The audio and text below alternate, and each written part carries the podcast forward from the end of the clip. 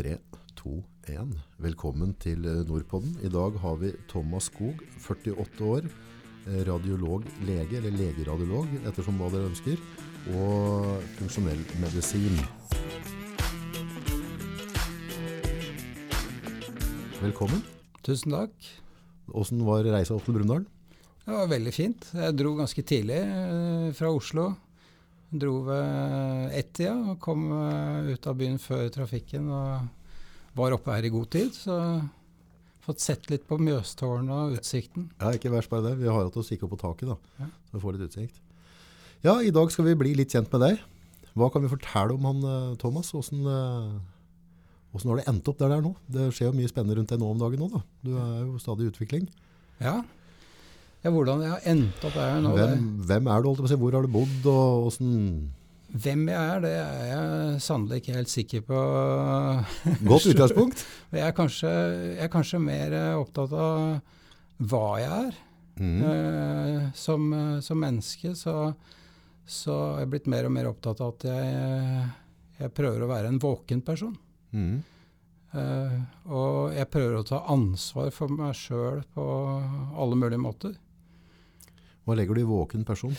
Ja, at jeg eh, prøver å være våken både intellektuelt og tankemessig og ha kontakt med følelsene mine. Og jeg er også opptatt av å være våken på et uh, åndelig plan. Mm. At jeg, at jeg, jeg opplever at jeg, at jeg er en del av naturen, at jeg har eh, kontakt med naturen. Og at jeg ja, er en del av en helhet. Da. Det høres jo veldig spooky ut, da. Nei, jeg syns ikke det er spooky i det hele tatt. Gjør ikke det? Nei. Nei. Altså det, det at, jeg, at jeg opplever at jeg er en, eh, en del av naturen, og at jeg må ta ansvar for meg sjøl. Og jeg har også ansvar for å ta vare på den, den naturen jeg er en del av, de rundt meg, og, og sørge for at, eh, at jeg utvikler eh, de mulighetene jeg har. For jeg tenker at det å være menneske, det er først og fremst en unik mulighet. Helt klart. Og det å være del av en natur eh, Det er mange måter å få den relasjonen der, men det er en veldig enkel måte å få det. Det er å, å stå i en liten båt ute på et hav i full storm. Så skjønner du plutselig at du er en veldig liten brikke. Ja, Verden tar ikke hensyn til uh, verken følelsene våre eller noen ting. Det er noe med å leve med og ikke mot. Vi er, en, vi er eh, I et eh, stort univers så er vi, er vi ganske små. Og man kan kanskje fort føle at man også er eh, ubetydelig, men jeg tror faktisk at på tross av at vi er små, så er vi signifikante. Vi Mm. spiller en, en, en rolle i, i det hele. Og vi kan faktisk være med og forme det universet vi er en del av. Der du er nå, det har jo vært en reise hit. Altså sånn med, med måten du tenker og måten du lever på nå i dag. Nå- På hvilken måte har den reisa starta? Når er det du på en måte begynte å åpne øyet for verden? Har du vært ute og farta og reisa? Hva har gjort at det har blitt den Thomas der i dag? Eh, Det starta nok allerede fra jeg var en liten gutt.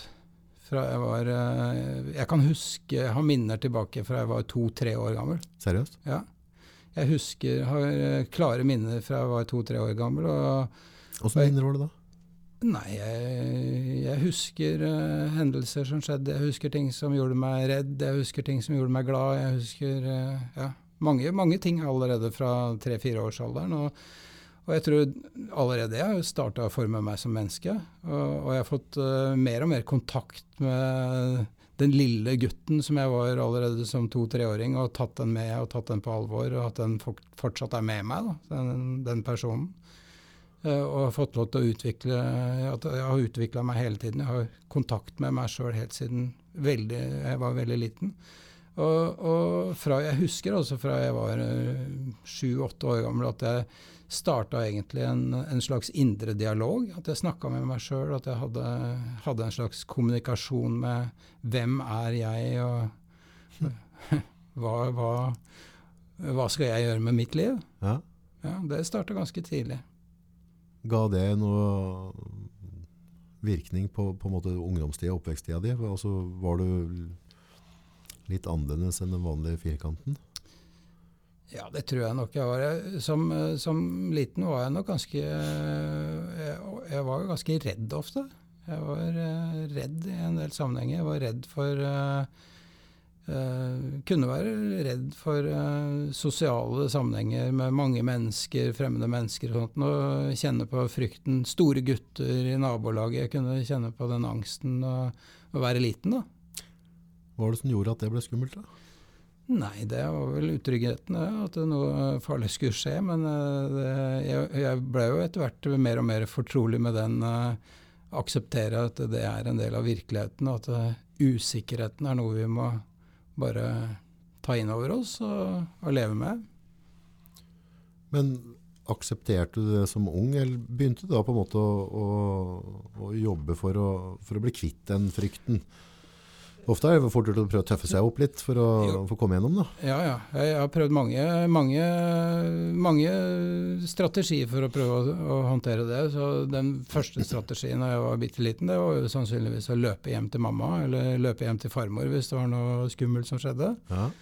Uh, og etter hvert som jeg ble litt større, så kunne jeg være en av de gutta som uh, tøffa seg og havna i slåsskamper og, og, og gjorde det ja, tøffe meg på veldig mange måter da, for, å, for, å, hevde meg. Og jeg, jeg blei vel kanskje også en tøffing i mange sammenhenger. Mm. Og så øh, erfarte jeg at det ikke nødvendigvis var den beste strategien, så jeg ble nok mye mer ydmyk etter hvert. Men jeg, jeg fortsatte etter hvert å, å, jakte på den angsten. da, Istedenfor å bli jaga, øh, være et fritt vilt, så ble jeg til en som oppsøkte krevende situasjoner, og jeg ville hele tiden presse meg sjøl aksepterte vel kanskje ikke at jeg hadde noen begrensninger. Jeg var vel mange, I mange mange år så levde jeg etter et ideal å vise at jeg var en grenseløs person. Åssen uttalte det seg?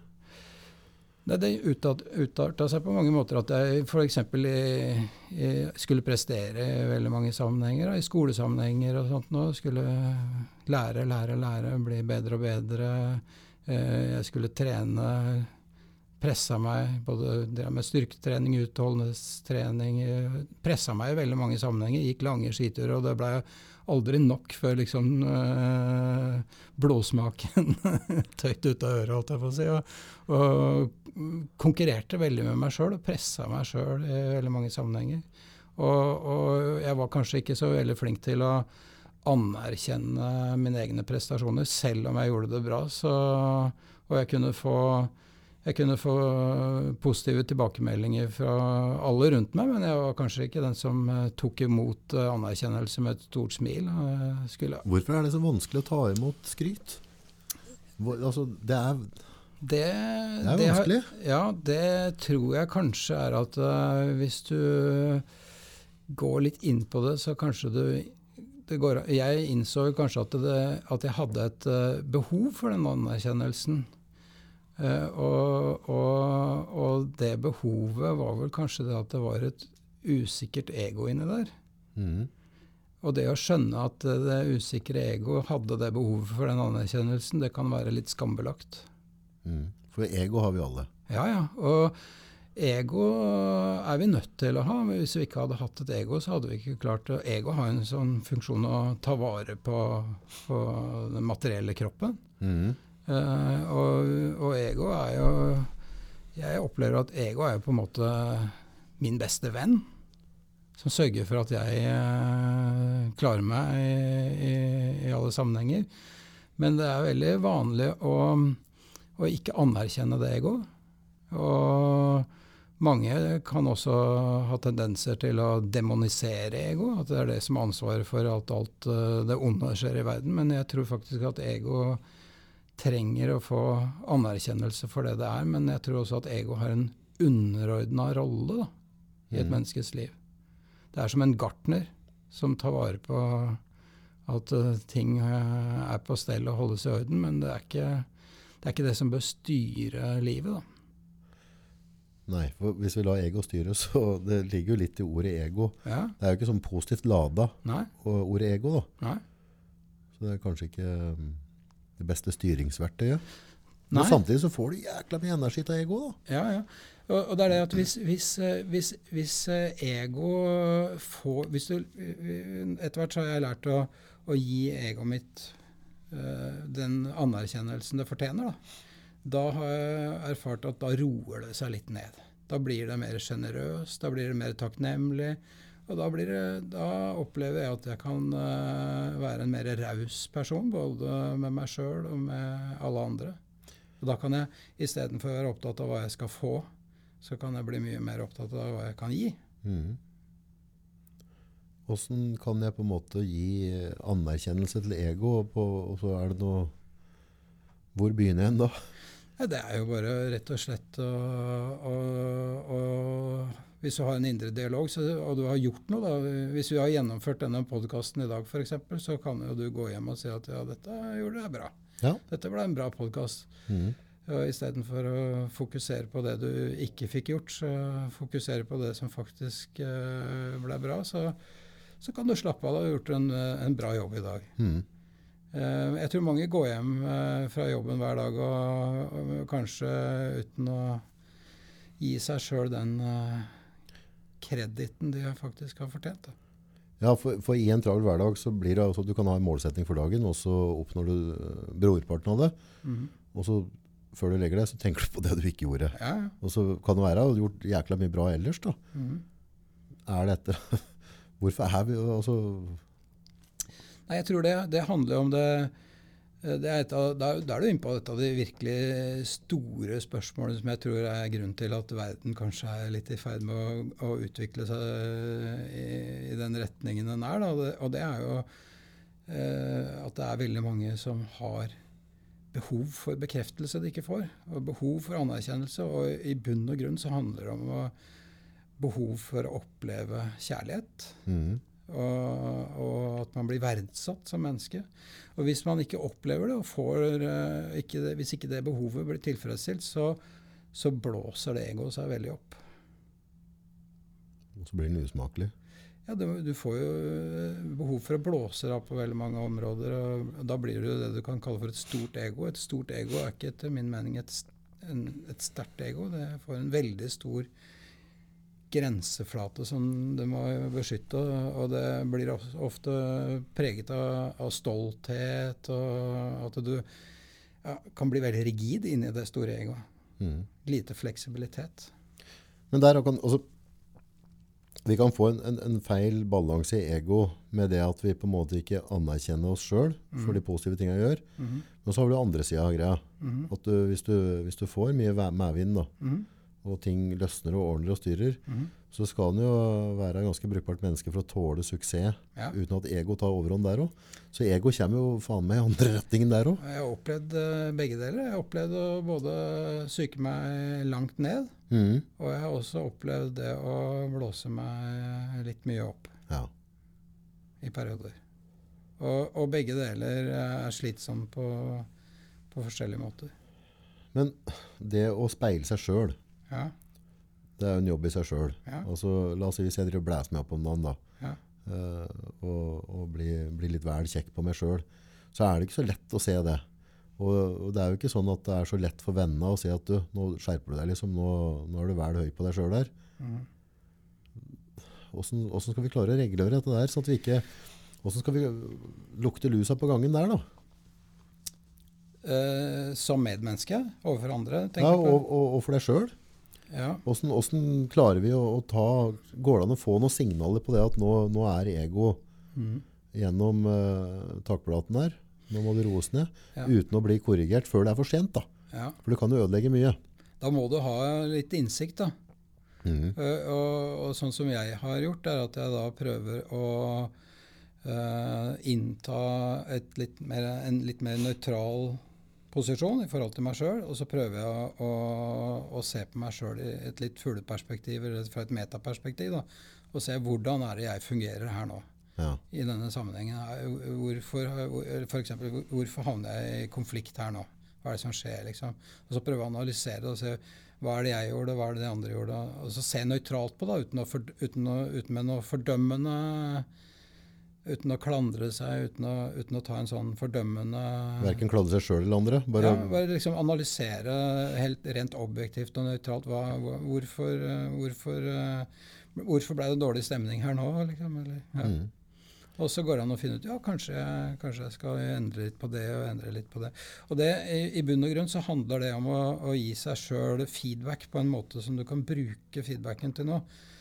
Uh, og, og det, det er ikke bare bare å lære seg, det, det er en kunst. Både å gi feedback til seg sjøl, men også ikke minst å gi feedback til omgivelsene og andre rundt seg. Hvis du tar uh, meg som et eksempel, da. Eh, vi har forstått eh, masse å gjøre, vi driver på, jeg har folk jeg jobber sammen med som jeg kan bestemme over og sånne ting. Ja. Hva er det du tenker jeg må jobbe aktivt med framover for, for, å sørge for at jeg har begge bena planta ned på jorda, og at jeg ter meg som jeg bør te meg? Er det noen, noen ting jeg kan fokusere ekstra på? Er det noe ja, det, nå kjenner jeg ikke det helt uh, i jobbsammenheng, men uh, på et sånt generelt grunnlag så handler det jo om uh, Jeg tror noe av det magiske du kan gjøre som leder, det er å, å gi medarbeiderne dine, hvis vi snakker om jobbsammenheng, å gi det, det, jeg kaller for sortert feedback. Mm. og da mener jeg at i forhold til handlinger som med, medarbeiderne gjør, eller innsatsen de gjør på jobben, mm. så bør du alltid som leder anerkjenne innsatsen. Uansett om resultatet er eh, strålende eller, eller middelmådig eller dårlig. Selve innsatsen de har lagt inn i det, den bør anerkjennes med positiv feedback. Mm. Også, de har jo lagt ned, har de ja, jobba sju og en halv time, så har de jobba sju og en halv time. Gjort så godt du kunne og ikke fått til en dritt, kanskje. Eller, eller motsatt, uh, kanskje mm. ikke nødvendig gjort så mye, men fått til strålende resultater. Men uansett, anerkjenne innsatsen. For det mennesker, når de får positiv feedback, så skal du si at oi, da blomstrer de opp, og så vil de ha mer av det. Mm. For positiv feedback, det er noe det mennesker er mest glad i. Mm. Uh, og, og, uh, og, så, Du kan ikke bare gi positiv feedback på handling hele tiden. Så må du kanskje også spørre men, uh, men hva var det du ønska å oppnå med, med, dette arbeidet? Så kanskje de sier jeg, jeg ønska å oppnå det og det og det. Så kan du spørre ja, klarte du det. Nei, ikke helt. Ja, ja, men hva kan du gjøre annerledes? Og da er du inne i en, en slags dialog. Da er du ikke inne i en sånn kritikk.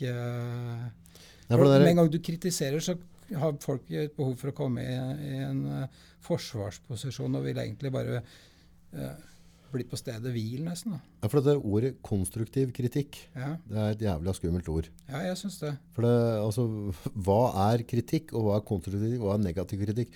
Altså, Hvordan balanserer vi dette der? Ja, det, det er, uh, det er bemerkelsesverdig hvor mange mennesker som føler seg komfortabel med å gi negativ feedback til, ja. til folk rundt seg. Eh, gjerne fordekt med det de kaller som konstruktiv kritikk. Mm. Eh, og det kan være i beste hensikt, men det fungerer dårlig som, eh, for å motivere folk til å prestere bedre. Det gjør at folk kanskje ender opp med å få dårlig selvfølelse. De kan føle skam, de kan føle skyld, de kan føle ja, de kan bli deprimerte og, hele tiden føle at de ikke strekker til. Da. Men hvis du møter en leder som på tross av at du, de kanskje er skuffa med egen innsats, anerkjenner ja, du har faktisk prøvd mm. og gjort noe, så vil du oppleve at de ønsker å ha mer av den positive feedbacken på, på, på innsatsen, og så vil de legge inn mer innsats. Og så kan du komme med forslag til justeringer i forhold til intensjonen, om, den, eh, om hensikten ble oppnådd, hva kan, hva kan gjøres annerledes. Sånn. Så er det andre ting man kan være veldig, veldig eh, lett å gi feedback på. Det er i forhold til eh, rammer. Mm. Og det er f.eks. For i forhold til tidsrammer. Mm. Hvor, hvor, mye tid har du satt av til denne jobben her? ikke sant? Nei, jeg satte av en halvtime. Ja, men Det er kanskje litt urealistisk. Du må i hvert fall ha tre timer for å regne med å komme i mål, så da må vi gjøre noen endringer der. Og det er helt upersonlig det, det, takler ego veldig lett, å få vite at uh, tidsrammene eller uh, andre rammer ikke strakk til. Da. Eller også strukturering, sekvens på ting. At ting, at, ting, at, ting, gjøres i riktig rekkefølge, at man ikke begynner i bakvendt rekkefølge. Sånt, at, du, at, du, strukturerer medarbeiderne dine til å gjøre ting i en hensiktsmessig sekvens. Mm. Det er veldig, veldig eh, Hvis hvis du analyserer hvilken rekkefølge ting bør gjøres i, i samarbeid med medarbeiderne, så går ting eh, helt av seg sjøl. Og, og noe jeg har lært, er at eh, timing er mye, mye viktigere enn tempo. De fleste mennesker har fokus på tempo, at ting skal gå fort hele tiden. Ja. Men hvis du gjør ting fort i gæren rekkefølge, så blir det jo umusikalsk. ja. Enkelt og greit. ja. Timing, ja, for det, det er jo alt til sin tid. ja. Altså, det kan jo være eh, en diskusjon jeg skal ta med dattera mi og sånne ting. Altså, det, kan, altså, det er noe med å finne riktig timing på det òg. Ja. For ellers så jobber du mot din egen hensikt. da. Ja. Det å gjøre, det å gjøre rett ting, rett intervensjon på rett tidspunkt, det får helt vanvittig eh, impact. Men å gjøre gæren ting På gærent på gæren tidspunkt, det kan få katastrofale konsekvenser. Ja. Er på rett tid på feil sted, osv. Ja, ja, ja. Ha fokus på det. det er, da, eh, ha fokus på det, da, da, da blir livet lett, da. Mm. Ikke hele tida, så klart. Men det blir lettere å få til ting hvis, eh, hvis man har litt fokus på, på sånne ting. Men hva er det vi mennesker bør jobbe mer aktivt med, da? Sånn, hva, hva bør jeg som menneske nå Jeg ønsker jo å bli en, en bedre versjon av meg sjøl. Mm. og jeg ønsker å ha det behagelig i livet mitt. Mm. Uh, har ikke så mye å klage på, for så vidt, men jeg vet at jeg har milevis å gå Ja. i utviklinga. Det, det første eh, du bør ha en viss peiling på, er hvordan er tilstanden din nå. Ja. Og, og det er ikke alle som har peiling på det heller. Men de fleste mennesker som ønsker en endring, har jo ofte ganske bra oversikt over uh, hvordan livstilstanden deres er nå, og hva som plager dem. Kanskje er hodepine, trøtthet, mangel på energi, uh, angst, depresjon og Masse ting de kan være misfornøyd med. Uh, og, og det er veldig mange som har god oversikt over veldig mye ting de er misfornøyd med. Og så har de ofte veldig lite peiling på hva de egentlig ønsker. Hva er din ønska måltilstand i livet? Mhm. Hva skal det bestå av? Og det er, det er, det er helt opp til deg ikke sant? Å, å, å fylle, fylle det arket med innhold, og hva, hva ditt liv skal bestå av når du har vært gjennom en utvikling. Og det, kan være sånt, og det bør være ikke i form av et tall eh, på et regnskap eller noe. Det går ikke an å styre etter. Det kan være sånt, sånne ting. Så en tilstand kan f.eks. være glede. Mm. Det kan være ro. Det kan være balanse. Mm. Kreativitet. Det kan- jo Det kan være konflikt også, hvis du ønsker det. Det er veldig mange som får til det, hvis de ønsker det. ønsker, ja, ja, ja. Det er vi flinke til. Jeg, jeg, jeg, Ole Brumm, altså jeg, har det, jeg føler at jeg har det veldig godt. da. Ja, veldig fornøyd med livet mitt, fornøyd med familien min, fornøyd med kollegaene mine. ja, Generelt fornøyd med Ja. hvor jeg står i livet nå. da. ja.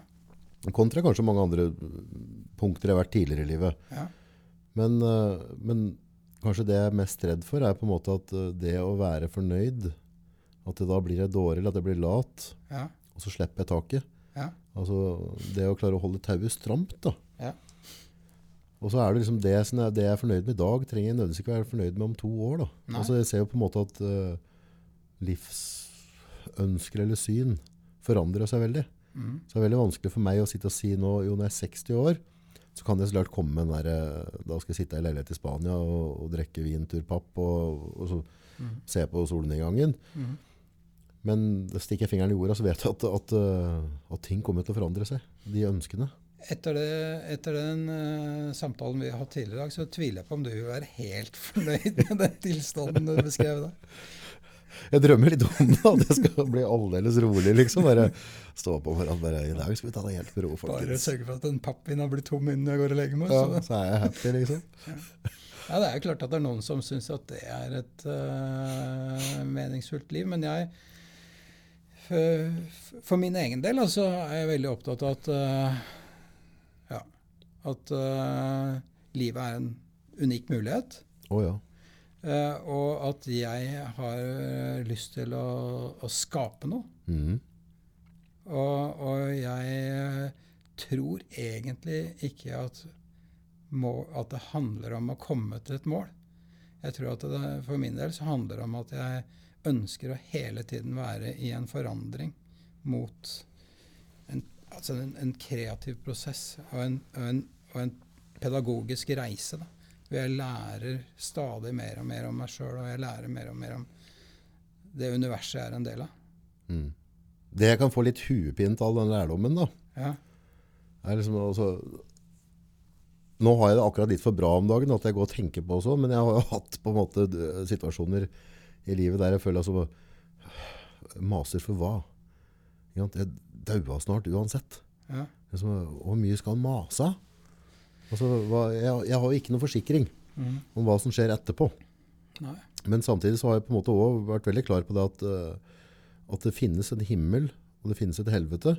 mm, Men jeg er veldig klar på det at det er inni meg.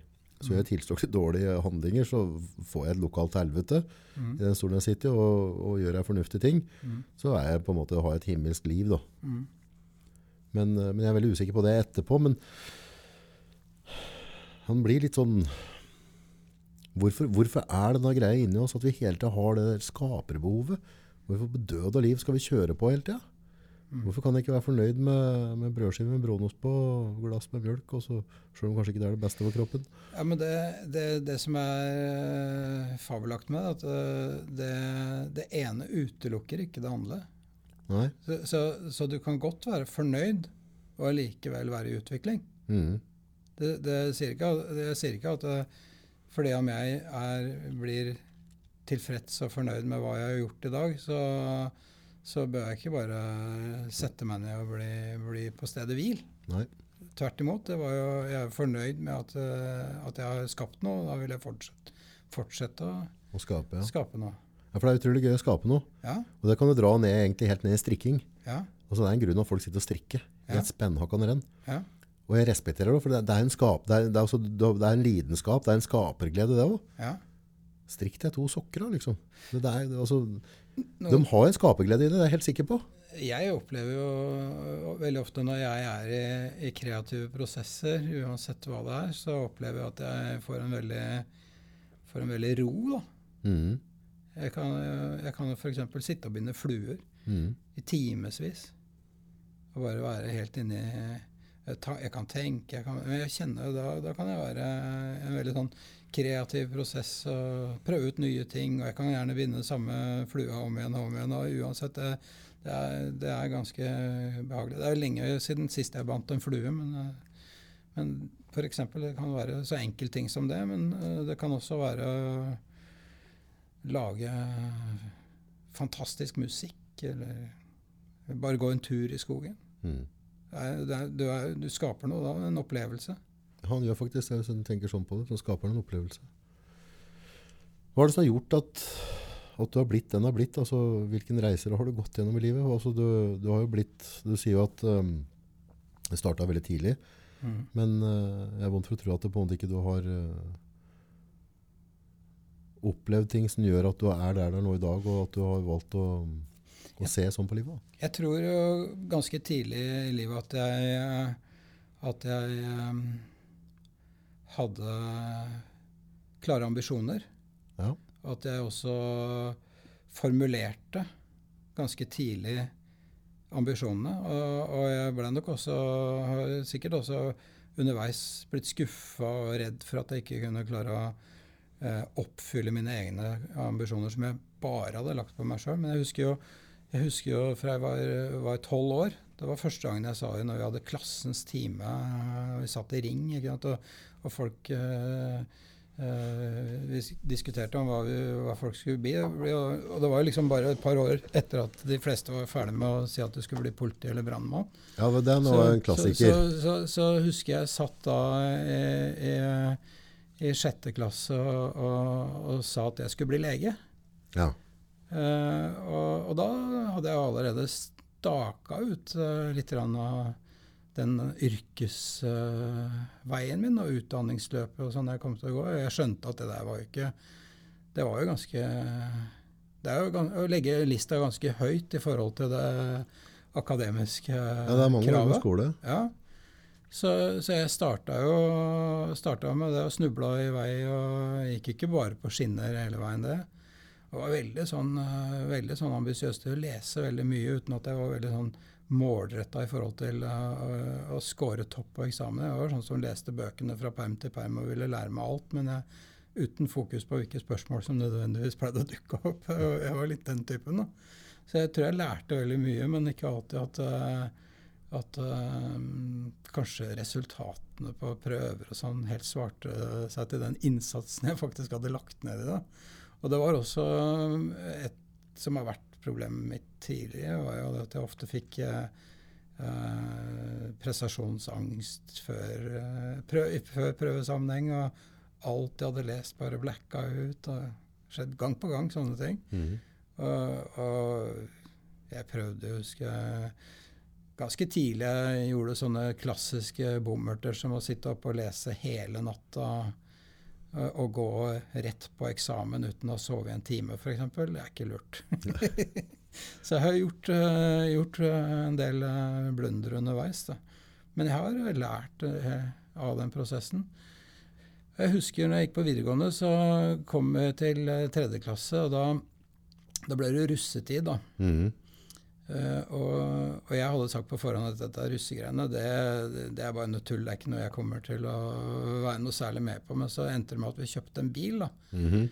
uh, og den bilen var jo ikke i stand, og da, da, var jo jeg en av de som måtte bruke mer eller mindre all tid på å få denne bilen opp og gå. Siste halve året på skolen gikk jo mer eller mindre på å skru den Bedforden i kjørbar, kjørbar stand. Det var siste året det var russebiler med sånne der hus på taket. Sånne ah. tre, trehus på lasteplanet.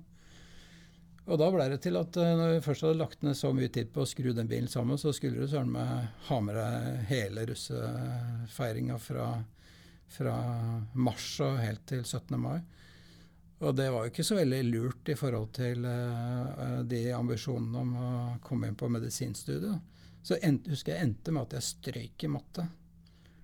Da var, jeg ikke, var jeg ikke stolt når jeg kom hjem til fatter'n og fortalte at jeg, jeg hadde jo ikke åpna matteboka på, på, flere måneder.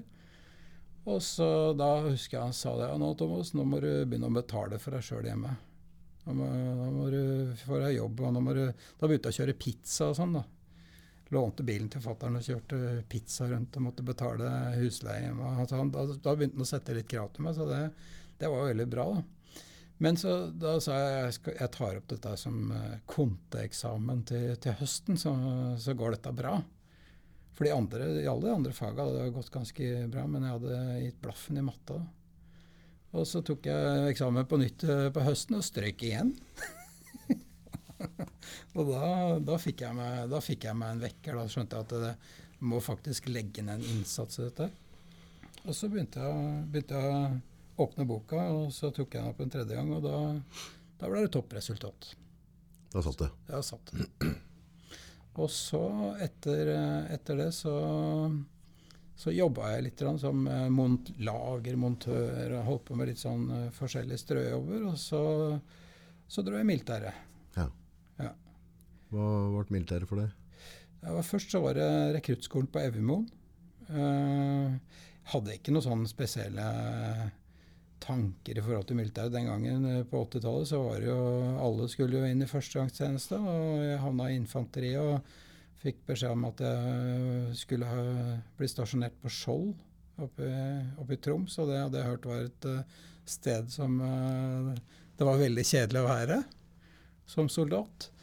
Og da tenkte jeg at jeg må finne på noe annet. Og så, og så meldte jeg meg på opptaket til, til fallskjermjegeren. Og, og komme inn der. Og det var faktisk på mange måter et eh, Jeg tror det var et viktig vendepunkt i livet mitt hvor jeg lærte, lærte dette med disiplin, men jeg lærte også det å, å, få veldig mye positiv feedback og bekreftelse fra de andre rundt meg. Det var et veldig, veldig inkluderende og bra miljø, syns jeg. Mm. Og det er faktisk en, en gjeng som jeg har uh, fortsatt tett kontakt med. Hele den troppen. Vi møtes regelmessig enda etter Ja, det var i 90-91 jeg var i Forsvaret. Mm. Uh, jeg lærte vel kanskje noe av det viktigste jeg lærte i løpet av det året. Og det tror jeg var kanskje felles for mange av de som har hatt. Vi, vi, alle vi som kom inn der, vi var vel litt sånne grenseløse personer som hadde behov for å pushe oss sjøl helt til det umenneskelige for å kjenne åh, der går grensa mi. Så alle vi som gikk gjennom det året, vi kjente på hvordan det var å, å, å nå våre egne grenser da, på både det fysiske og psykiske på mange måter. Og allikevel kunne fortsette å, å, klare å gjennomføre ting. Men liksom, der, der, fant jeg der fant jeg grensene mine. Mm. Det er det godt å, å, finne dem? Ja, ja. Det er veldig viktig. Da kan du roe litt ned, da. Jeg måtte trekke det ganske langt. da. Jeg måtte helt dit. Ja. For, for, å kjenne på at eh, Ja. Fire netter uten søvn og 30 kilo sekk og gå og gå og gå. og liksom Kjenne at det er helt tomt. Det er, men det er deilig, det. altså. Ja, det er vakkert. Mm. Ferdig med Forsvaret, hva skjedde da? Jeg er ferdig med Forsvaret, så, så begynte jeg å, å studere på Blindern. Mm. Eh, realfag på Universitetet i Oslo. Altså matematikk, fysikk, eh, biokjemi. Ja forskjellige sånne fag. Og så, så, hadde jeg fortsatt den derre Jeg hadde ikke gode nok karakterer til å komme inn på medisinstudiet i Norge, men jeg hadde fortsatt den derre ambisjonen om å bli, bli, lege. Da. Så jeg tenkte jo at jeg skulle dra til Tyskland for å studere medisin. Og jeg tok også, studerte også tysk uh, på universitetet. Tysk for realister var et fag som het. Så det var egentlig et fag for de som skulle dra til Tyskland og studere realfag videre der. Men jeg tok det for å kanskje ha mulighet for å komme inn på medisinstudiet i Tyskland.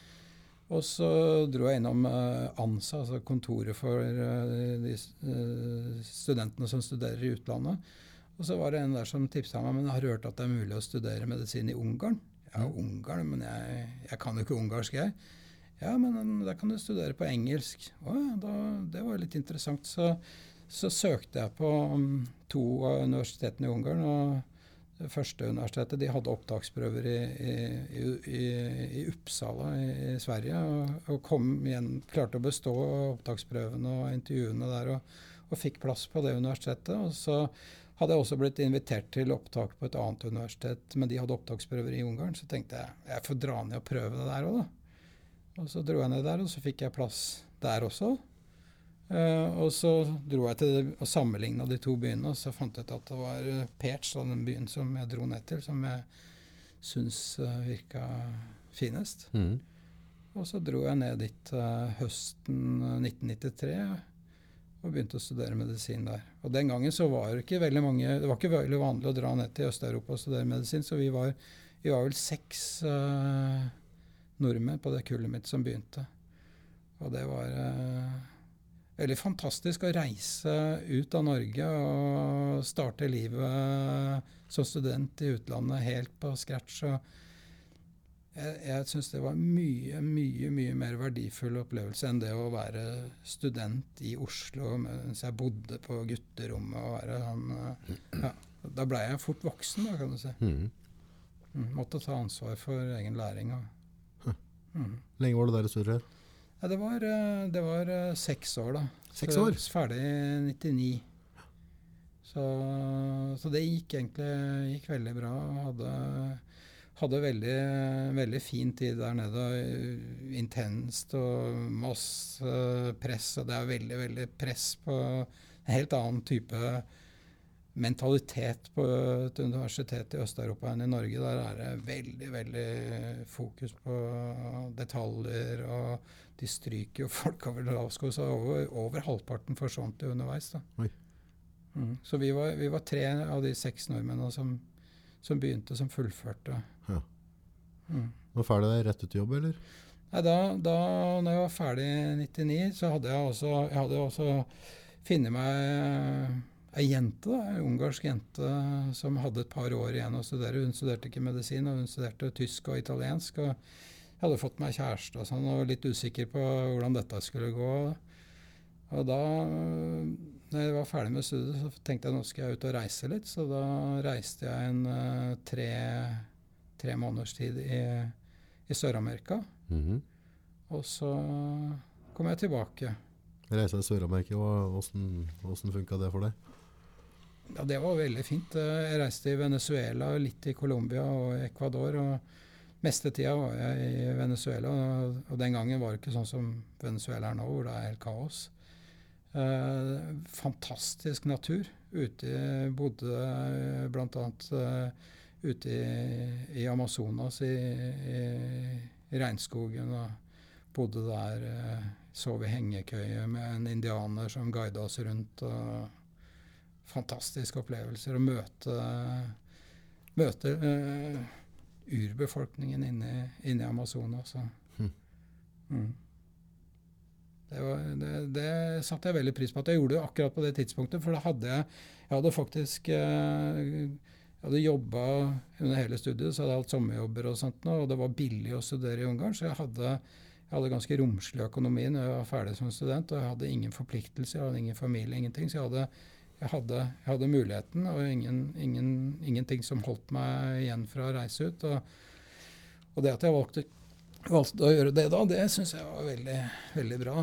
Uh, jeg møtte også ja, fattige folk som bodde oppe i fjellene i, i Colombia. Indianere som bodde oppe i en landsby der. og som, som jeg, hadde, jeg hadde bare fått en adresse. De hadde ikke noe telefon, ikke noe mulighet til å kontakte. Men en, en, jeg bodde hos i, i hovedstaden i, i Ecuador, kjente den familien og sa du burde dra til dem. Og fikk en adresse og et navn. og Hadde ryggsekk på ryggen og bare banka på døra kunne noen ord spansk og sa at eh, hei, jeg heter Thomas, uh, kommer fra Norge, kan jeg bo her? Mm.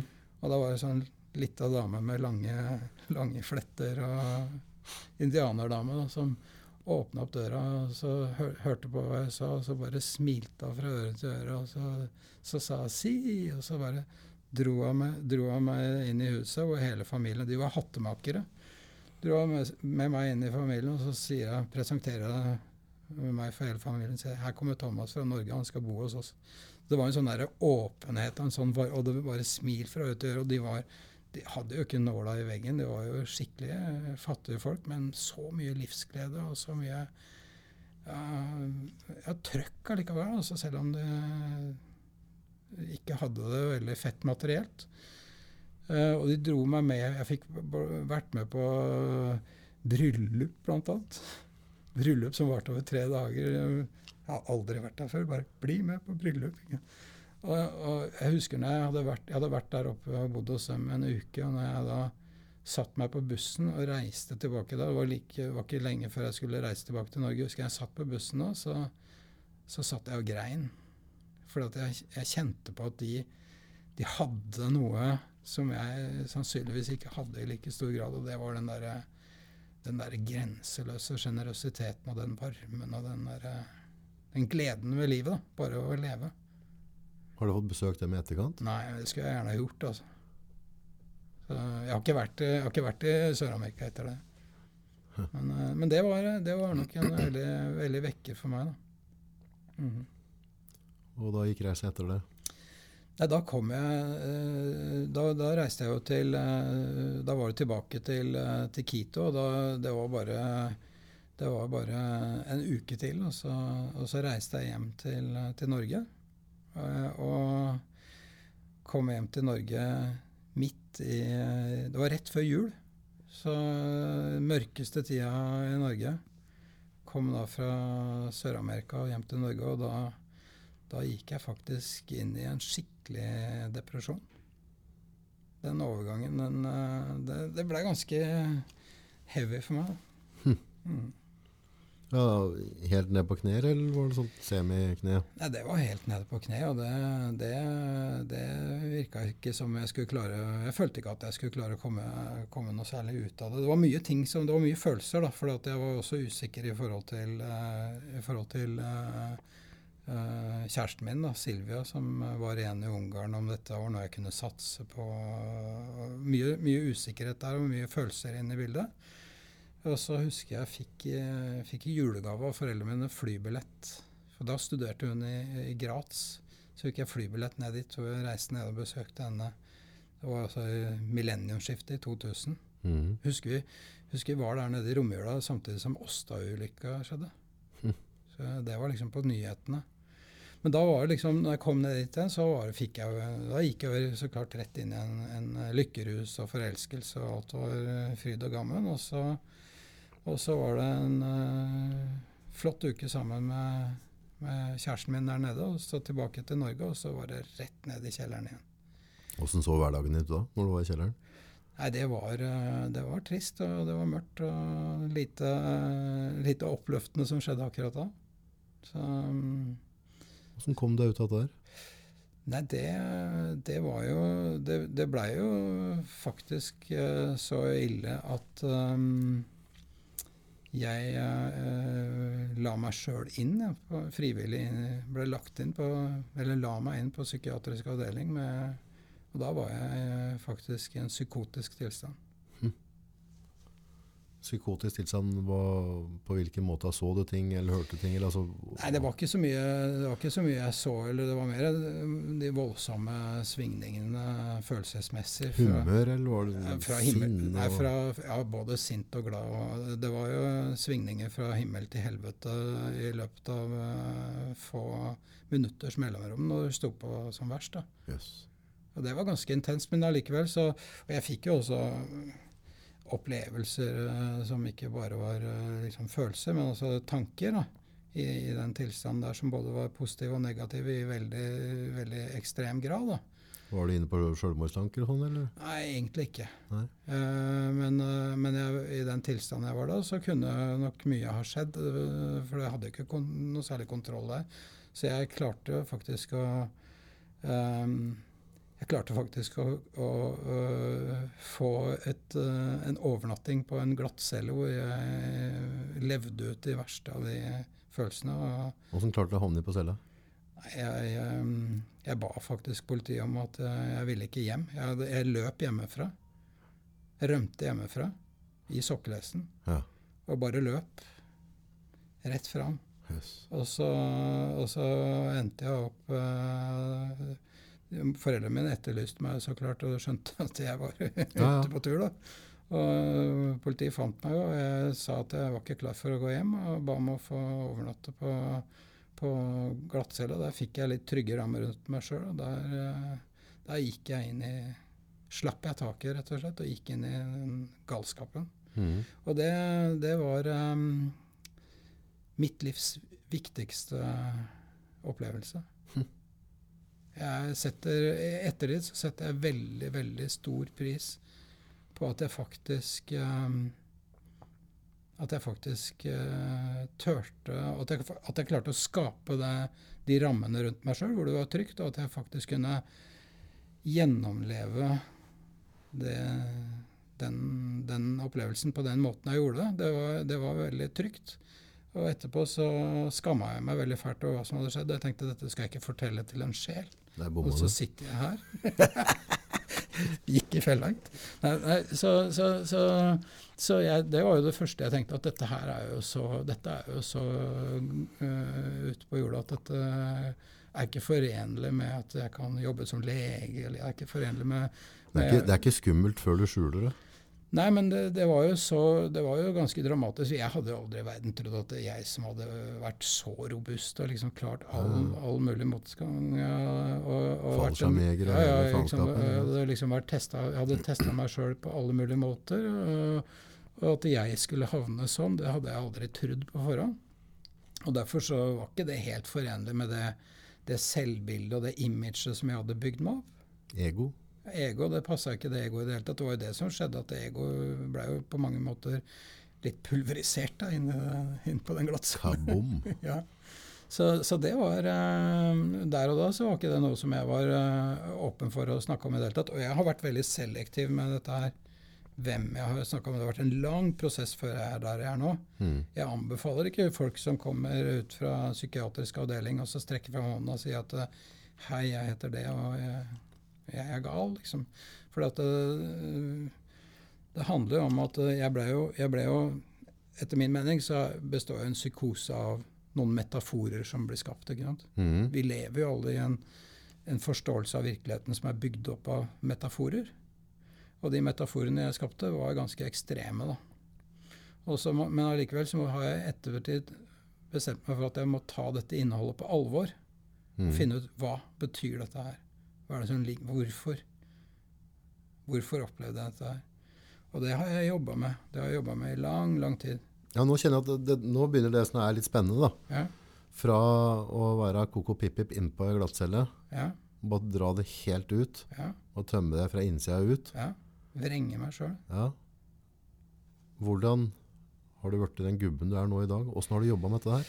For det, altså, Altså- er det sånn bare Nei, nå er jeg ferdig. Jeg er Nei, det er, ikke, det, er ikke så, det er ikke noe enkel oppskrift på det. og Jeg tror ikke, at det, jeg tror ikke på noen metode som jeg kan si følg den og gjør sånn og sånn og sånn. Her må Men hva har du gjort? Så, så hva jeg gjorde, var jo For det første så var jo da et to ukers uh, opphold på psykiatrisk avdeling med sprøyte i rumpa og medisinering, tung medisinering og alt det greiene der. Og det, det var ikke noe som løfta selvbildet, for å si det sånn. Nei, det ble ikke noe Eh, kulere av det. inn, inn på, når du går rundt på skjerma avdeling. For selv i den galskapen så har du en opplevelse av hva som skjer. Jeg hadde i hvert fall det. Mm.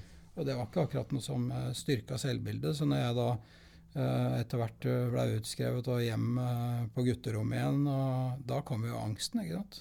For hvordan skulle dette gå videre. Og, og da, den gangen så var jeg jo, ja, var jo medisinert, da. Men Mm. de medisinene de funka dårlig for meg. Mm. Altså antidepressiv og antipsykotiske medisiner, det trigga, trigga angsten min. Altså, så, I hvert fall den, den antidepressive behandlinga.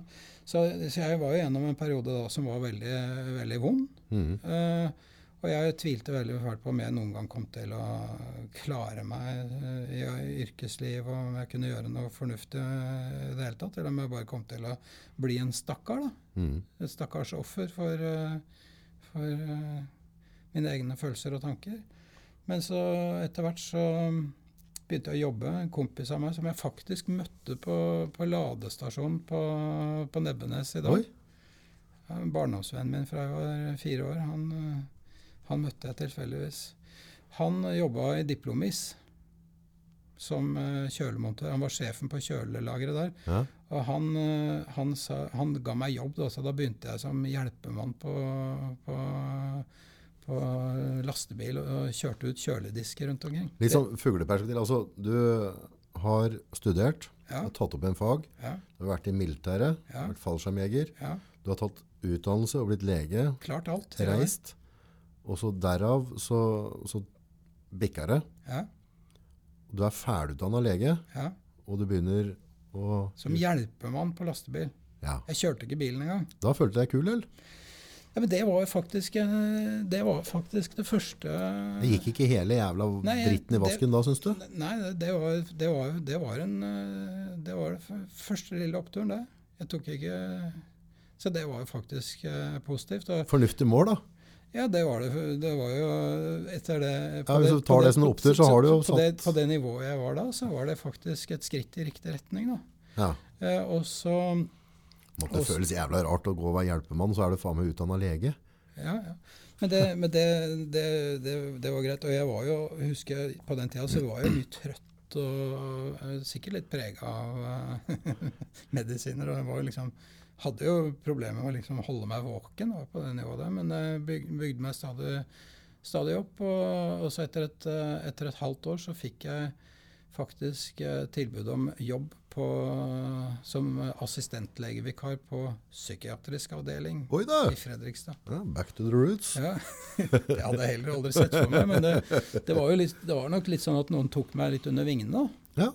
Uh, en, eh, en, eh, en, eh, en barndomsvenn av faren min som var lege, som kjente en Det er litt sånn Ja, ja. det gjerne foregår, så, så jeg blei på en måte tatt litt under, under vingene der. Og da, da, var, da følte jeg meg ganske på beina og, og begynte å jobbe der. Og, og hadde jo også en del innsikt i hva de som faktisk kom dit, også sleit med. Jeg hadde jo fersk erfaring sjøl, uten at jeg på en måte bretta Jeg var ikke sånn at jeg bretta ut dette her da. Det var, Hallo, jeg heter Thomas. Jeg er litt gæren, men ja. Altså, frisk da, nå. jeg, da, da, da var jo noe av jobben å, å fungere mest mulig normalt. Da.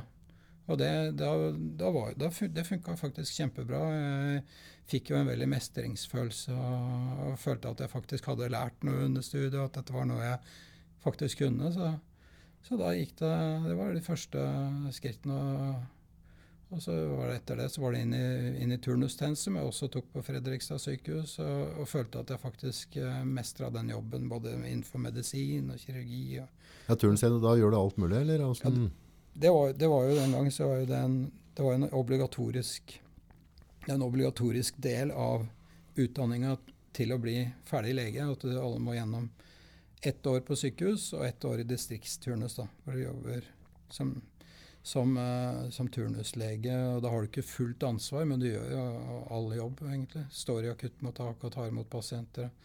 Så, så, da begynte jo ting allerede da, da, da, var jo tvilen om at jeg skulle klare å fungere som lege, den blei jo egentlig mer eller mindre borte, da. Så, da pulveriserte du den jeg istedenfor ego? At, jeg fikk jo bekrefta at, at, det, det, at det gikk fint. Ja. Og, og det, det, gikk bra, det. Mm -hmm. Så, det er da jeg må si som flåsete, alltid sagt at turnuslegene er litt smågærne. Ja, men jeg tror kanskje jeg, jeg tror kanskje jeg var en av de um, minst gærne, eller i hvert fall Da hadde du sett litt fra andre sida, da. Ja, du har kanskje fått en medmenneskelighet? Jeg hadde skjønt, uh, jeg hadde skjønt hvor den grensa gikk. Da, så jeg var uh, opptatt av å og jeg var, nok, eh, jeg var nok ganske ydmyk, men allikevel uh, følte meg at jeg hadde den kompetansen jeg trengte. Og det på et uh, tidlig tidspunkt så skjønte jeg også at det er veldig viktig som lege å inngå noen gode allianser med de du jobber sammen med. Mm. Sykepleiere i akuttmottaket, f.eks. Mm. Hvis, hvis du har en god allianse med dem og samarbeider godt med dem, gir dem anerkjennelse, er på godfot med dem og snakker med dem som ikke ovenfra og ned, men være helt på samme eh, level, så får du en, et lag som samarbeider med deg, og som hjelper deg gjennom hver eneste arbeidsdag. Ja. I motsetning til de som hadde et veldig behov for å bekrefte at de var så flinke. Ja. De endte ofte med å ha eh, noen som egentlig ikke var spesielt interessert på å hjelpe til. Da. Ja, For det er mye kompetanse i disse sykesøstrene der? Veldig mye kompetanse. Det er mye flinke folk, de har sett mye. De har sett alt. Så det var jo sånn at jeg, jeg, jeg opplevde at jeg fikk mange gode vennskap med de jeg jobba sammen med. Og det var jo som regel sånn at når det kom inn en, en med et nyresteinsanfall eller et eller annet, og, og vi jobba sammen, så sto jo alltid sykepleieren klar med sprøyta med den riktige medisinen som jeg skulle gi. Og det eneste ansvaret jeg måtte gjøre, var faktisk bare lese at det stemte, at det var den rette, rette medisinen. Og, så, og, da gikk jo det Det var ikke så veldig vanskelig å være turnuslege med et lag som samarbeida, da. Spennende. Så, mm. Og turnuslege, hvor lenge var du det? Ja, det var ett år på sykehus. Ja. Jeg hadde tredelt turnus, så da var det Først, uh, først indremedisin, og så var det kirurgi, og så var det en tur på Veum, da, som var akuttpsykiatrisk med psykotiske pasienter og hele pakka. Og da lærte jeg, hadde jeg også noen opplevelser at uh, uansett uh, hvor gærne mennesker er, så handler det om, også som lege, så handler det om å møte dem der de er, på deres premisser. Og, og, psykotiske pasienter må være veldig varsomme med å ikke knuse den virkelighetsoppfatningen de er inni. da. Men å liksom bare møte dem og så bare anerkjenne dem og si at ok, jeg forstår at det er sånn du opplever det, men kan du kanskje forestille at vi andre som sitter i rommet her, ikke opplever det samme deg? Da begynner vi med Oi, er det, er det så bare så, får vi sådd et bitte lite frø av tvil inni den forskrudde opplevelsen av virkeligheten, og så bare stoppe det. Så nå kan du gå, så kan vi fortsette å ta opp tråden i morgen. Mm. Og da har du på en måte oppnådd den første kontakten, og så kan du jobbe videre. Mm. Pacing. Mm. Altså tune seg inn på et menneske der det er. God gamle få, ha forståelse. Få kontakt, og så kan du lede videre. Ja. Det tror jeg er eh, ikke bare for gale mennesker, men uh, alle mennesker. Det, det, er helt avgjørende. Ja, for vi alle har jo på forskjellige nivåer forskjellige virkelighetsoppfatninger. Ja. Og Det er det som skaper konflikt. At ja. du ser det på en måte og ser jeg på en annen måte, og så blir jeg sur på deg for at ikke du skjønner hva jeg tenker, og så har jeg faen ikke forklart deg hva jeg føler og tenker. Det er det som er det grunnleggende med respekt. da. Det er det å respektere det. Du har ansvar for dine tanker, dine verdier, dine meninger. og jeg kan godt, Du kan godt invitere meg til å diskutere, men jeg må uansett respektere det du står for. da. Så. Mm. Uh, Og så Noe annet jeg har lært også som, eh, som eh, ganske fersk lege, er at det er stor forskjell på å være flink og være god. Hva mener du da? Ja, hvis, du, hvis, du, hvis, du, først og fremst går rundt som menneske å, og, og med et behov for å bekrefte at du er flink, mm. så handler det om det der tilbake til det samme behovet om at ego trenger bekreftelse. Mm. Og hvis du, er, hvis, du, hvis du, lever som et menneske mer, og, og, er god, så handler det om at du har anerkjent Da har du anerkjent at du er god nok. Da, da, du har anerkjent egoet ditt, og da, kan du, da trenger du ikke å bevise at du er flink. Da kan du være god. Du kan la det være, liksom? Ja, men da, det det det hvis, du, hvis, du, virkelig ser på de store enerne, så har du på en måte lave skuldre. De, de er de, de er flinke òg, mm. men i tillegg til å ha, være kompetente, så, så, er de sjenerøse, og de gir av seg sjøl. Man har ikke behov for å bevise noe. Ja. De har kanskje det, men ikke det, den store De har, de har, i hvert fall ikke behov for å vise at de er flinke lenger. Og det er farlig som, som, doktor. Så kan det bli veldig farlig hvis du, hvis du behandler pasienter først og fremst for å bekrefte din egen flinkhet, for da blir pasienten mer et objekt. Mm enn en person. Hm. Skjønte jeg det? Mm. Og, det og, og, jeg har også, også skjønt det at uh, som lege, hvis du først og fremst er opptatt av, av, å bekrefte egen flinkhet, så kan man være villig til å gjøre ting som kan kanskje til og med være hasardiøse. Mm. For det er lett å overvurdere sine egne evner. Da en egen kompetanse for å få den store medaljen som viste seg å ha en stor bakside. Ja, de fleste store medaljer har jo det, da. Ja. Det er noen som må blø for det. Mm. Det er alltid noen som taper. Mm. Når du er ferdig da som turnuslege, hvor uh, ja, sparka høna en da, må jeg tørre spørre? Nei, jeg hadde jo, jeg hadde jo Mens jeg var student, så hadde jeg jo veldig klare ambisjoner om å bli um, stor kirurg. Mm. Og jeg uh, jobba mye for det. altså Mens jeg, jeg hadde praksisåret mitt, hadde jeg, veldig mye av det hadde jeg på Ahus. og Da var jeg mye på operasjonsstua var der til langt på natt. og jeg var Veldig veldig tydelig på at jeg skulle bli Var det du opererte, var du opererte, eller glodde du da? Ja. Ja, eh, som, eller, da var det ikke Det er klart, som, som, som uh, uutdanna, så er det ikke du som står med, uh, med skalpellen og svir av ja, det, er ikke, det, er ikke, du som har ansvaret for operasjonen, men da er det stort sett å holde hakket og være med og assistere og knyte noen tråder og sånn. Ja, holde men, hakket. Holde, ja, det vil si holde, ja, holde Sleggen på å holde bukbena oppe? Holde ja, det, det, som ikke skal skjæres ut til side. Og, mm. ja. så, jeg, så, så, jeg fikk jo vært med på omtrent alt som var av vanlig akuttkirurgi. gjennom, gjennom og, Opplevde du ofte at du mista pasienter under sånne ting? Ja, det har jeg vært med på, både, også som turnuslegen. Så, så det, det, Hvordan er det å forholde seg til det? Um, ja, det, det, det, er klart at det er jo det er vanskelig. Men, eh, vanlig, Begynner han å, å, tvile på seg sjøl etterpå? Ja, eller gjort datt, men, men, men, eh, jeg har jo ikke vært i den situasjonen at jeg har hatt ansvaret for en operasjon og, som Nei. har gått gærent. Men som regel når ting går gærent, så er utgangspunktet ofte gitt. da. Ja, ja, ja. Det prøver. For eksempel, jeg har jo vært med på når folk har kommet inn og, og hovedpulsåra i buken har sprekket. Ja. Og man skal prøve å, å, å fikse det, så veit man at uh, ok, kanskje det er uh, 20% sannsynlighet for at vi klarer å berge dette. Og hvis det ikke går, så, så tror jeg nok ikke uh, at det er det største nederlaget for den som har gjort den innsatsen.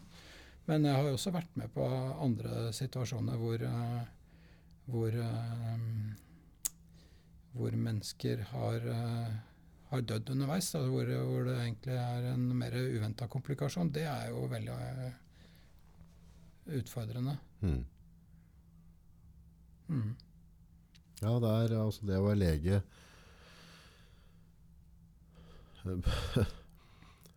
Konsekvensen av en, en tabbe, da, mm. en feil, mm. kan jo bli jævlig fatal. Ja, ja. Bokstav, bokstavelig talt. Det sitter jo igjen folk ja. som er kjær og glad i. Altså, ja.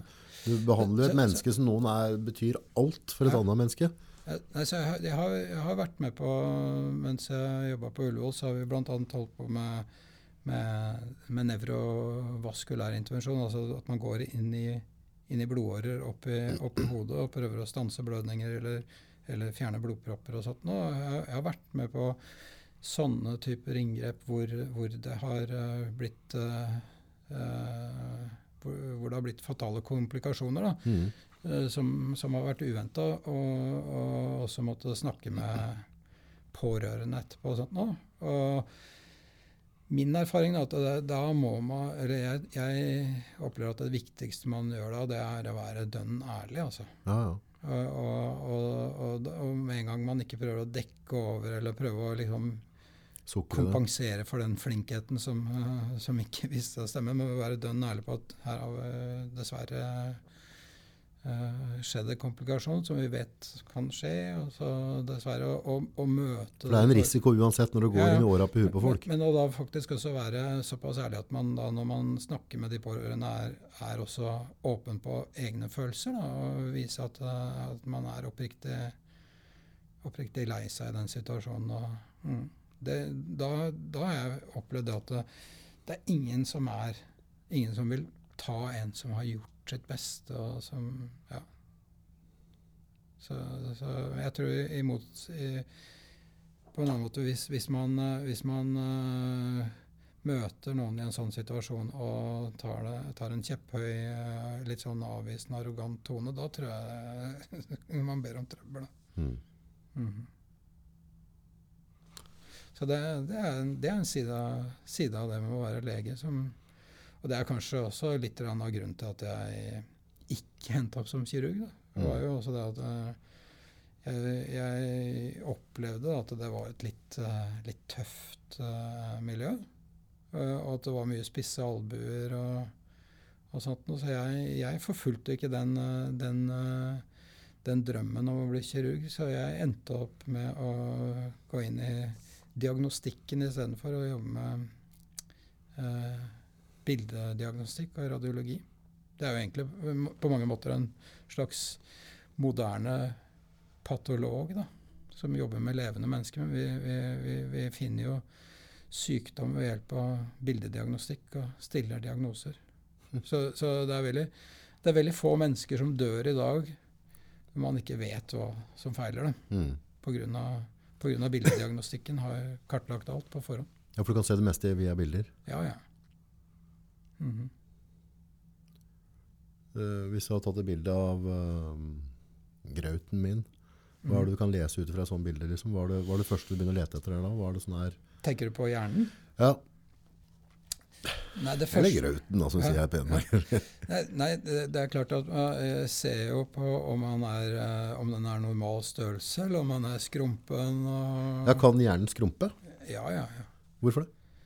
Nei, det er, jo, det er jo det vi kaller for nevrodegenerative sykdommer. og Det jo, henger jo sammen med, med, livsstil, og det henger sammen med, med, gener, og det er arv og miljø. Alt dette her henger jo sammen.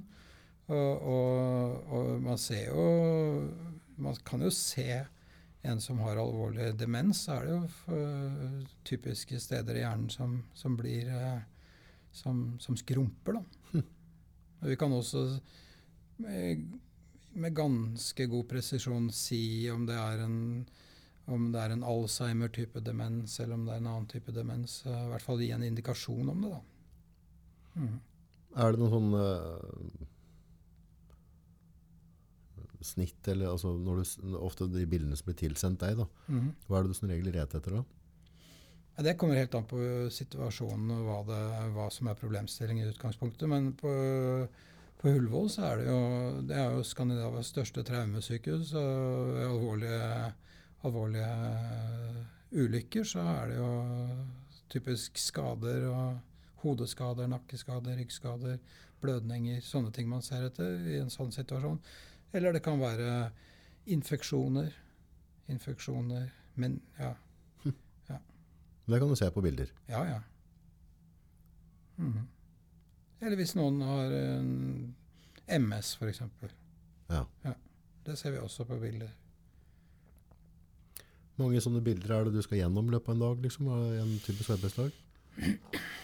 Hvis du ser på enkeltbilder, så blir det ganske mange. Ja. Fordi at uh, Hvis du ser på en, MR, en omfattende MR-undersøkelse, så kan, så kan den kanskje inneholde 5000 bilder på en pasient. Okay. Vi sitter jo ikke og ser på ett bilde ett sekund. og Vi scroller jo gjennom som om det er en film. på det meste, Og så zoomer vi oss inn på der hvor vi skjønner at problemet er, og så ser vi nøyere. Mm. Så, men hvis du sier at vi, vi, hvis vi tar 30 pasienter i løpet av en dag, da, eller 20 pasienter på, i løpet av en dag, så er, så er det, så er det ja, I hvert fall hvis vi har vakt. da. Mm. Men, men hvis det er uh, si det er 20 pasienter i løpet av en dag og 5000 bilder på hver, så, så er det klart at uh, det, det er en del bilder av Men er det hjerne, du, og hjerne og nakke du ser stort sett på, eller er det også lunger og hjerter og lever? Og... Nei, ikke, Som nevroradiolog så er det, så er det uh, nerve, sentralnervesystemet først og fremst vi, vi ser på. Men vi ser også ganske mye på, på rygger, da, degenerative rygger. og, og det er, altså Slitte rygger mm. og, og nerver som er i klem pga. slitasje, prolapser og sånne ting. Ja. Så mye av det, ja. Huh. Mhm. Men nå, hva, hvor går veien videre i forhold til eh, Hva er neste Ja, jeg, jeg har jo havna i en eh, Jeg har jo havna i en sånn situasjon at jeg eh, etter hvert eh, har blitt litt uh, fornøyd med å bare sitte og se på bilder. Mm. Og, og jeg, har jo, jeg har jo noen egne erfaringer og en egen historie som, er, som, er noen, som har vært uh, Som jeg syns er eh, verdifulle da, å dele. Og jeg får ikke delt så veldig mye av mine egne erfaringer når jeg sitter og tolker bilder. Det er nyttig, det, men, eh, men etter hvert så har jeg Jeg har litt mindre motivasjon til å sitte og se på tusenvis av bilder hver dag. Mm. Så jeg har jo også i løpet av de siste fem åra eh, gradvis uh, utdanna meg innenfor en helt annen eh, type legevirksomhet, som heter funksjonell medisin. Og det handler mer om en Det er mye mer inne på forebyggende behandling og, og faktisk eh, hjelpe folk å, å lede dem gjennom livsstilsendringsprosesser. da. Mhm. Og, og egentlig ha mer en, en slags uh, veilederrolle og en pedagogisk rolle. Og, og, og, og hjelpe folk til å ta um, fornuftige valg for å forbedre egen helse. Mm.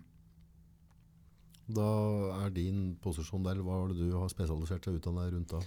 Det, det er jo mer det, det er jo ikke så veldig spesialisert. Det er mer prøver å favne egentlig veldig mange sider av medisinen og se vi, vi tenker ikke så veldig spesialisert i forhold til organer. Men innenfor, innenfor skolemedisin så er vi jo veldig Skolemedisin er veldig diagnosefokusert. Mhm. Og så er den metodeorientert. Det vil si at eh, de, stiller, de er opptatt av å stille en presis, rett diagnose. Mm.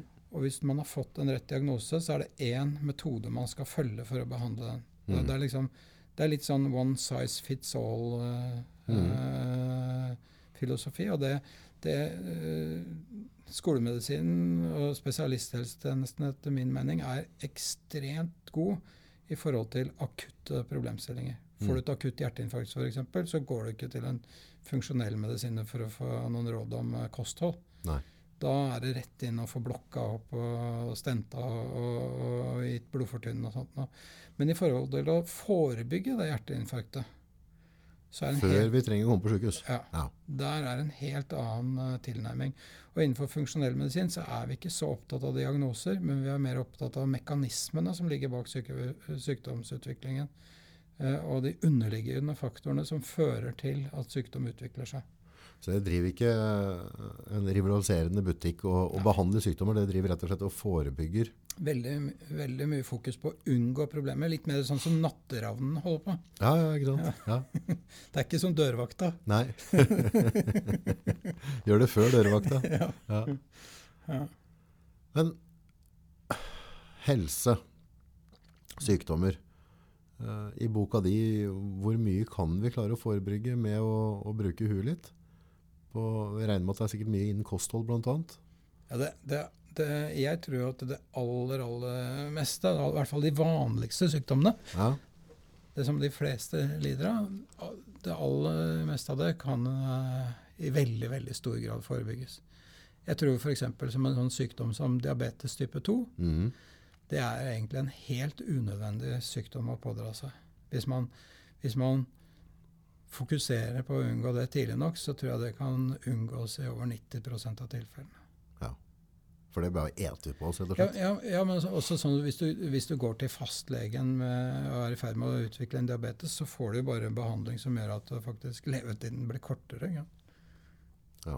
Du, du, hvis, du starter med, hvis du starter med bare For det, det man ofte gjør innenfor tradisjonell skolemedisin i forhold til sånne typer kroniske tilstander som diabetes, det er å bare gi symptomdempende behandling som bare sørger for at blodsukker ikke flyker i taket, men Ja. du kan opprettholde den livsstilen som skaper Fortsette det. etter Stratos. Ja, og, og sitte stille og, og, og fortsette med det. Hvis du i tillegg eh, begynner å kjøre på med insulinsprøyter og sånn på en diabetes type 2, så, så kommer jo fedmen, og det bare eser ut. Så, så, Ja, for det er jo et fettbindende hormon, insulin, er det ikke? ja, ja. Det er et anabolt eh, hormon som gjør at fett, fett Det signalet som insulin sender til cellen, den binder seg til insulinreseptor. Og så sier signalet da nå skal du produsere fett. Omdanne karbohydrater til fett.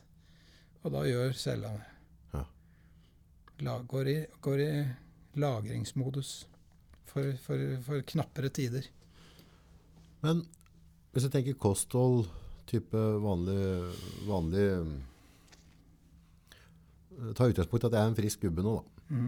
Eh, Hva, hva kan jeg gjøre sånn enkelt utenom å, å forandre hele livet mitt? Hva, hva bør jeg ha fokus på, tenker du, for å sørge for at jeg ikke mm.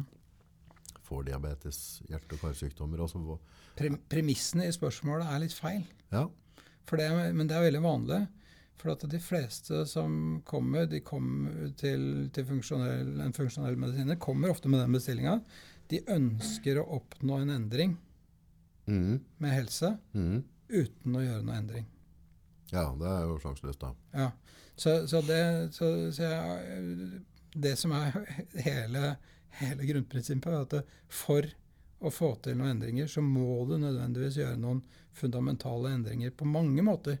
Og vi tror ikke at det er en enkeltfaktor. Det er mange, mange, mange på mange måter, områder man må legge inn innsatsen, og det er ikke på ett enkelt punkt. Det er sånne punkt som kosthold, det handler om trening, det handler om søvn, det handler også om sosiale relasjoner. Sånne typer livsstilsfaktorer må man gjøre en, en rekke grep da, for, å, for å få til. Hvis du, hvis du f.eks. stresser rundt på jobben hver dag og, og sover eh, fire timer hver natt, Det blir noen steshormoner da. ja, det er jo i seg sjøl en risiko, risikofaktor for å utvikle bl.a. diabetes. Ja. Bare, eller bare det å sove for lite. Ja. Det er veldig, det, søvn er et uh, enormt problem blant uh, folk uh, i, i det moderne, moderne vestlige verden. Mhm. Og i hvert fall i Norge, de jeg møter. Så jeg tror, jeg tror 90% av de jeg snakker med, har en eller annen form eh, eh, er eh, også sjøl innsett at de, de har dårlig søvn. Altså.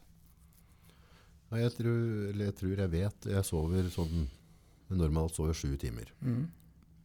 Det Ja. syns jeg passer for meg, egentlig. Jeg har prøvd seks, jeg har prøvd åtte. Mm. Men jeg lander litt på sju. Og det virker som det er litt forskjell fra menneske til menneske hva de har behov for òg. Ja, det er det. Men, eh, men eh, de fleste mennesker har nok eh, behov for uh, mer enn seks timer. Mens, mens i sju-åtte timer, seks til åtte timer, bør de fleste ha. Og, og egentlig minimum seks timer. Mm. Det er noen uh, få som har en uh, genetisk variasjon som gjør at de klarer seg med to timer mindre enn gjennomsnittet, så fire timer. Det er få. Ja. Men, det, men det det egentlig handler om, er at For søvnen foregår jo i sykluser, ikke sant. Ja. Så du har, du har eh, våken tilstand, Mhm. så har du søvn eh, Altså første fasen, så hvor, hvor, eh, hvor du har litt langsommere eh, eh, hjerte, eller aktivitet på nervecellene i, i hjernen. Mm. Og så går det enda litt dypere ned, og så har det går du i tredje, tredje stadium, som er den dypeste søvnen. Da er du mer eller mindre ukontaktbar, og da er det nesten ikke noe aktivitet i hjernen. Det er også en veldig viktig fase. Og så, etter den, den dype søvnen, så spretter man opp i, i rem-søvn. som er den fasen hvor man drømmer. Okay. Og da bearbeider man hukommelse og sorterer informasjon av hva som har skjedd i løpet av dagen. Og det er også en veldig viktig, viktig prosess for å ikke få dårlig hukommelse, og sånt, og det er å få rem-søvn. Og rem-søvn er, er ikke det samme som dyp søvn, men det er da du drømmer. Det er nesten våken tilstand. er det en sånn indikasjon på at du har fått riktig mengde søvn, at du får den? Eh, ja, eh, og det som, skal, det som gjerne skal Ideelt sett i løpet av en natt så Du kan si én sånn, en sånn syklus varer i gjennomsnitt 90 minutter. Ok. Og så skal du da ha Ideelt sett så bør du ha minst tre sånne faser med den dypeste eh, nivå tre. Tre 90-minutter. Ja, tre av de dypeste bør du være innom. Mm. Og etter den tredje, etter den tredje gangen du er innom, så går du som regel opp i, i rem-søvn, og så drømmer du, og så går du litt ned til type to, og så går du faktisk opp igjen. Så på slutten av, på slutten av natta så går du vanligvis ikke ned i den dypeste, men da veksler du gjerne mellom rem-søvn og den nest dypeste. Sånn som jeg føler at jeg drømmer lite. Ja, Hva kan det være tegn på? Altså, det er ikke ofte jeg kan huske at jeg har hatt en drøm. nei. Jeg legger meg på kvelden, og så våkner jeg om morgenen, liksom, og så husker jeg ingenting fra natta. Ja, det er egentlig Som, som funksjonell medisiner så er det et ganske eh, enkelt eh, Det er en veldig god integrasjon på hva du trenger da, av, av, eh, av kofaktorer. kofaktorer, -hmm. Det vil si. av vitaminer, Ja. eh, for, å få, for å få den eh, eh, For å huske drømmene. Mm. Det er en, det er en gruppe som, som, som veldig ofte ikke husker drømmer. Men Mhm. de har nok drømmer, men de husker det ikke. Og de trenger store doser sink. Sink, ja. eh, Og de trenger store doser vitamin B6. B6. Og gjerne i form av den aktive formen som heter P5P. Altså pyrodoksin 5-fosfat. Ok. Det er aktivt vitamin B6. Det er noen mennesker som har en funksjonell mangel på, på B6 og, og sink. Og når de øker Da snakker man om veldig høye doser. Så er det veldig typisk at de får, får uh, At de begynner å gjenkjenne drømmer. Og det som er også ofte typisk for de som ikke uh, husker drømmer, at de drømmene de pleier å huske, det er, de, det er marerittene. Mhm. Eneste de husker, er mareritt eller ingenting. Og så hvis du får justert eh, sink og, og B6, så kommer drømmene tilbake. Det har, det har jeg opplevd mange ganger. Ja, for jeg, jeg opplever det å ikke huske drømma som helt ok. Jeg har liksom ikke bekymra meg på en måte. Helt ok, Da har jeg litt svart tårn midt på natta, og så Mm. blanke ark. Du drømmer nok. Mm. Det gjør du nok. Men det kan eh, Ja, jeg skal teste det. Jeg bare ta en tur på helsekosten, og så får jeg seg litt, og så ser den. Ja. Det er veldig viktig å ta sink sammen med mat. Ok. For uh, sink i, på tom mage, det gir kvalme. Men sink i seg sjøl, hva ellers gjør det for kroppen? Eh, Sink er jo en veldig viktig kofaktor. Eller eh, sink er et mineral som er faktisk med å regulere veldig mye i kroppen. Da. Eh, du har eh, regulering av gener, og du har altså, Sink har eh, Regulering av gener. Nå må jeg Ja, det, det, er, det, er, det, er, det, er, det mange prosesser som sink spiller en viktig rolle i. Så det regulere genene på dagbasis. Ja, det, er- det er, det er en, en struktur som heter Sink Fingers, som okay. er kjent innenfor molekylær cellebiologi, som, som spiller uh, viktige regulatoriske funksjoner i, i cellene våre. Hm. Så, så sink eh, er, har en nøkkelfunksjon. En av mange. Nå ser jeg begynner å drømme som bare det. Ja. Jeg syns jeg går og drømmer nok på, På dagtid. På dagtid ja. Og Store drømmer. Mm. Er det noen andre tips tips sånn, i forhold til sånn, sånn generelt som du vet folk kan slurve med i kostholdet, som, som kan være greit å få med seg? Ja, Det er jo Det er jo Det er et eh, veldig stort kapittel, men, eh, men jeg tror jo de, de aller fleste spiser jo altfor mye raske karbohydrater. Mm. Eh, og vi spiser, veldig mange spiser også veldig mye bearbeida mat. Og, og, og det, det kostholdet som vi har i, i, Vesten nå, da, det er jo med utgangspunkt i veldig få råvarer. Det er bearbeida det, det er stort sett uh, noen, noen få kornsorter, og så er det ja, uh, så er det melk, og så er det sukker, og så er det Det er, det er foredla matvarer ut fra noen veldig få, få råvarer. Så egentlig sammensetninga av kostholdet blir ganske fattig, da. Så, så eh, for de fleste så handler det om å kutte ned på raske karbohydrater, det er viktig. Ja. Og så de aller fleste har eh, nytte av å øke betydelig på inntak av, eh, av grønnsaker. Og etter min mening så bør grønnsakene være reine, altså dyrka uten for mye sprøytemidler og giftstoffer og, og sånt noe. Eh, så jeg tror det er et poeng i seg selv at grønnsakene bør være reinest mulig. Eh, og så bør man kutte ned på mm, en del typer fettstoffer som ikke er bra. Altså Mettafett og transfett og omega-6 i for store mengder er ikke bra. Det er inflammatoriske ja, mat som fører til inflammasjon. Da. Mettafett og transfett, hvor er det du finner det sånn i grove grupper?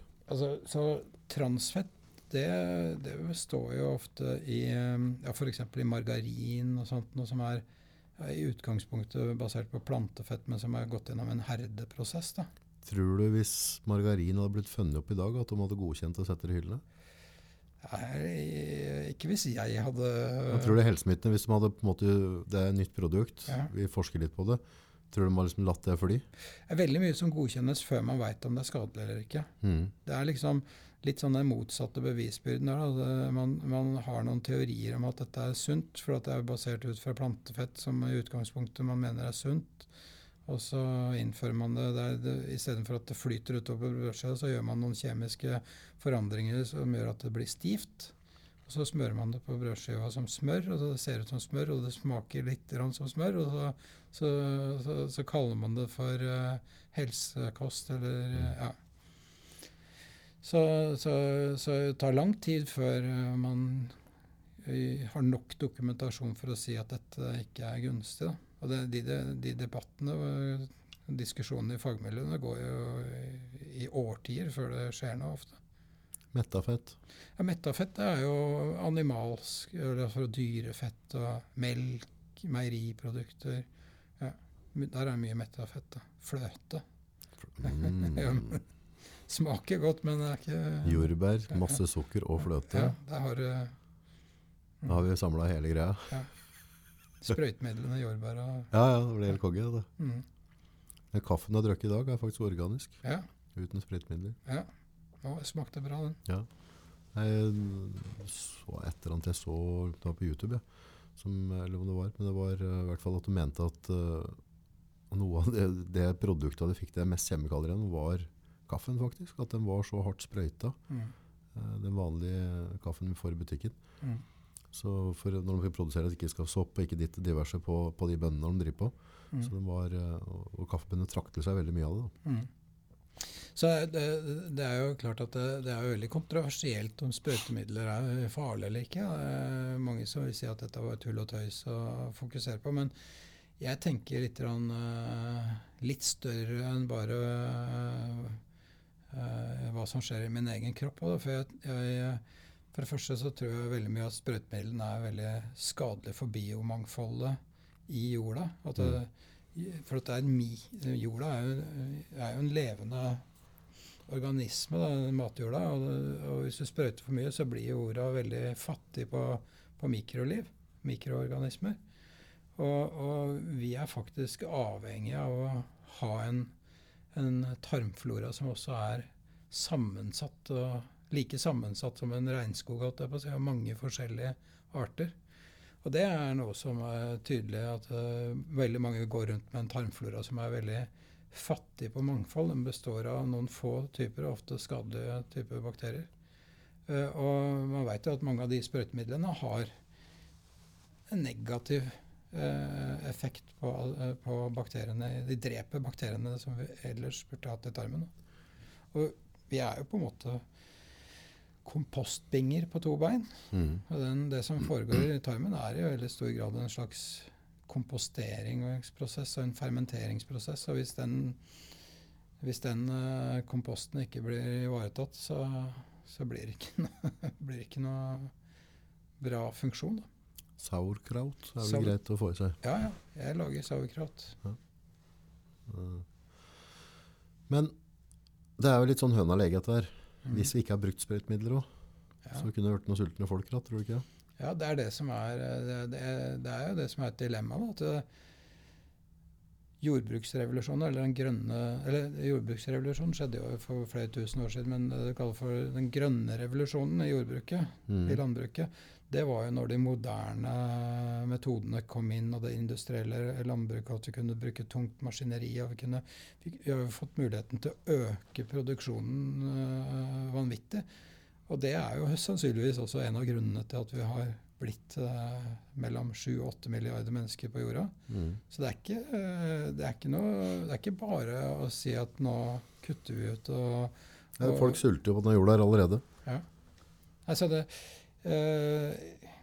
Jeg tror også at det er mulig å få en ganske bra produksjon eh, uten, uten så, så mye bruk av sprøytemidler. Men eh, det er en kjempeutfordring og et kjempestort eh, etisk dilemma. Da.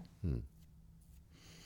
Eh, og da tenker jeg Da får man gjøre noen valg, da. Som forbruker. Man, det koster jo mer å, å kjøpe organisk. Og, Men da er vi jo liksom på det gode, gamle skjevfordelinga i samfunnet. da. ja. At dem i USA med minst penger får de dårligste maten. ikke sant? Det er billigere å kjøpe coca enn å kjøpe vann. Mm. Så går det utover de, de Da begynner vi å komme inn på de store spørsmålene. Jeg vet ikke, Ja. om, jeg, jeg vet ikke om jeg har helt svaret på, på det, men det er klart at uh, Jeg tror vi må gjøre noe med, med fordelingen av ressurser på jorda. Mm. Og jeg har ikke noe tro på at det skal fordeles som om eh, etter et slags sånn kommunistisk prinsipp om at det skal smøres tynt utover overalt, men jeg tror det må fordeles sånn at folk i hvert fall får dekka grunnleggende behov, og at de kan dekka de behovene sånn at de kan være med og bidra på en positiv måte. Og det, det er veldig lite hensiktsmessig sånn som det utvikler seg eh, i mange steder i verden nå. Det er 5% som sitter med 90% av verdiene. Og en middelklasse som er i større og større grad i ferd med å, å forsvinne. I, Mm. I USA så er det, ikke, det er ikke lenger sånn at det bare er fattige folk som sliter med å få endene til å møtes. Det er jo også høyt utdanna mennesker som har hatt uh, tidligere godt betalte jobber, som etter hvert bare rykker liksom lenger og lenger ned mot uh, Men det er jo litt med at, på en måte at når vi tjener penger, da, så har vi en tendens til å kjøpe på og kjøpe på og kjøpe på. ja. Det er det menneskelige greia at vi skal ha. Ja, nei, men det, det er jo noe grunnleggende med den økonomien vi har nå. at Den er jo basert på at det skal, det skal vokse og vokse og vokse. Mm. Det er jo ikke basert på at det skal være eh, stabilt. Uh, og, og kanskje er en av grunnene til det at det er ganske mange mennesker på jorda som, eh, som tjener penger på penger. Mm. Som ikke tjener penger på å gjøre noe, men det er Og jeg tror at eh, Penga jobber for det. Ja, jeg tror kanskje at det er et feilspor, da. Men samtidig så er det på en måte de, de gründere som starter de store selskapene, og som får klokka til å gå rundt òg, da. Ja, men de skaper noe. Det er ikke det samme, det er ikke det samme som å Nei, men de blir jo store etter hvert. da. De som er gode på å skape der, og så Ja. til slutt sitter de som kapitalister, og så, Ja. og så, og så fortsetter de på en måte å utvikle dette. Og så sitter Ja. de med vanvittige verdier. Ja. Nei, det, det, det Jeg har ikke noe sånn eh, veldig, veldig fasitsvar på hvordan det skal Jeg tror ikke det er lett å få her. Men jeg, jeg tror jo kanskje at det, at det må skje en, en slags eh, kollektiv um, eh, mentalitetsendring. Både på et individuelt nivå, men også på et, eh, et kollektivt nivå, hvor vi endrer litt fokus fra at fokus er på å få, og kanskje fokus er mer på å bidra. Da. En slags bidragsøkonomi, da. Mm. Det har vi i Norge i hvert fall. Vi betaler noen skatter, så vi er da med og bidrar litt. Ja, ja det, er jo, det er jo i hvert fall i større grad en bidragsøkonomi enn enn i, enn i en del andre land. Mm. Ja, for hvis du begynner å regne med skatten og avgifter og moms, også, så blir det noen kroner som går inn i Ja. felleskassa. Jeg tror mange ikke føler at det er et frivillig bidrag. da. Nei, det er det overhodet ikke. Så jeg tenker litt mer på sånn, hvis jeg hadde, hvis jeg hadde vært eh, hvis, jeg hadde, hvis jeg hadde klart å skape et samfunn hvor folk liksom «Å, Se hva jeg har Mm. Ja, når, når du, Hvis du går tilbake noen tusen år og tenker at du var eh, jegeren i, flokken og dro ut og skjøt elgen, så kom du stolt tilbake med nedlagt blikk og, og la det, la det fram foran flokken. og Jeg tror ikke han eh, så på det som en, eh, en skatt. Jeg tror han så på det som En bidrag. og noe som eh, Som de var stolte av, og, og som var nødvendig. Da. I ånden på den gamle urjegeren, Mm.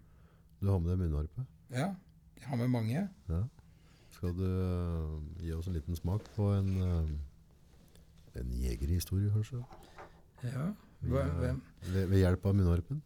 Jeg kan, jo, jeg kan jo kanskje snakke litt om dette. Den første harpa jeg har, det er faktisk den uh, siste jeg har eh, fått. Da. Det er en håndsmidd harpe fra en, eh, en eh, smed, en italiensk smed som bor eh, på Sicilia. Han Mhm. heter Giuseppe eh, La Rosa, heter han. Og det er en uh, veldig røff uh, harpe som er uh, Han har en smie som han gjør alt for hånd.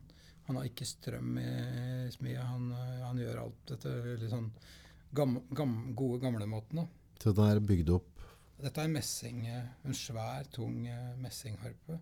Ganske røff lyd og en litt sånn bassaktig harpe. Den er, den er ustemt. Han stemmer ikke harpen, men han, øh, han har sendt meg noe bivoks, så jeg kan få lov til Jeg har stemt litt sjøl. Jeg har fortynga den litt.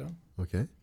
Så den er ganske Den er ganske eh, Den tillater ganske mye. Er ikke så veldig kan, eh, Ja, du kan spille litt røft, men uten at han eh, At det bommer, da. Det er forskjell på harpene. Gi oss en smak. Ja.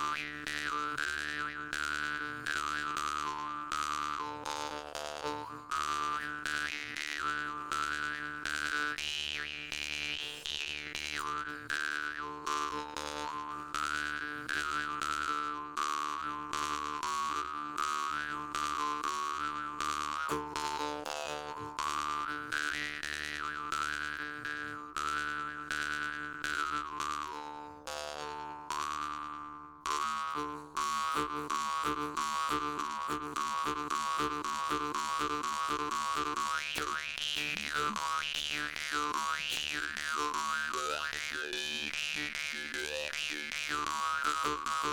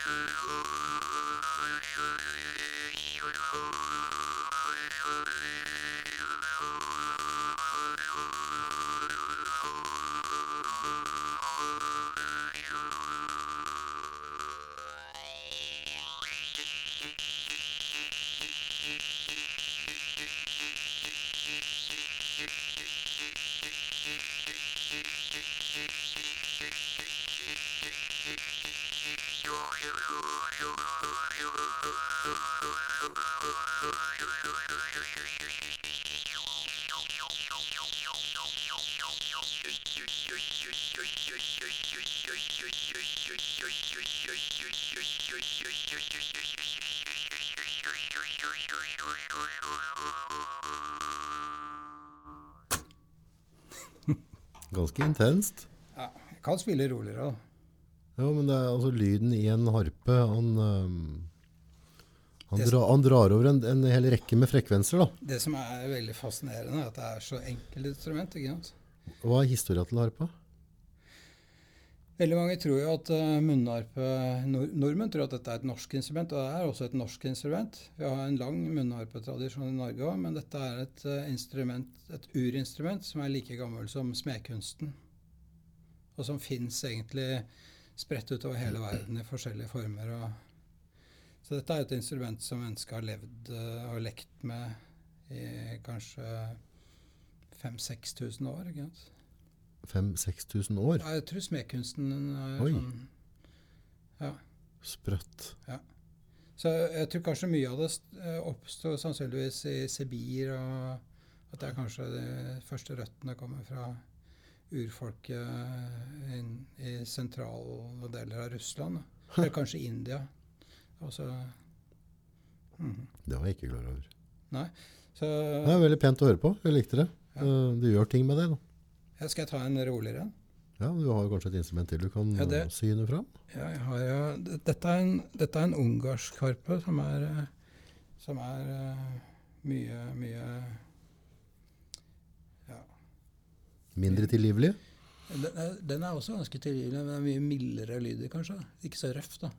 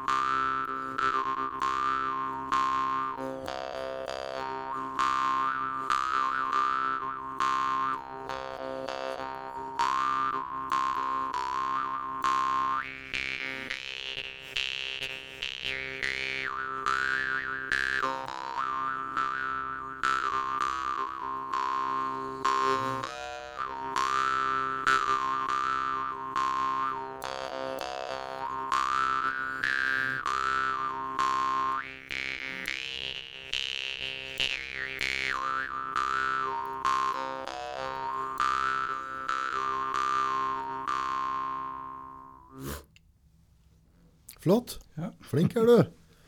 Ja, det er, det er et av noen av de leketøyene jeg liker å bruke litt tid på. Det er veldig fint og lett å ta med seg på tur og sitte rundt bål.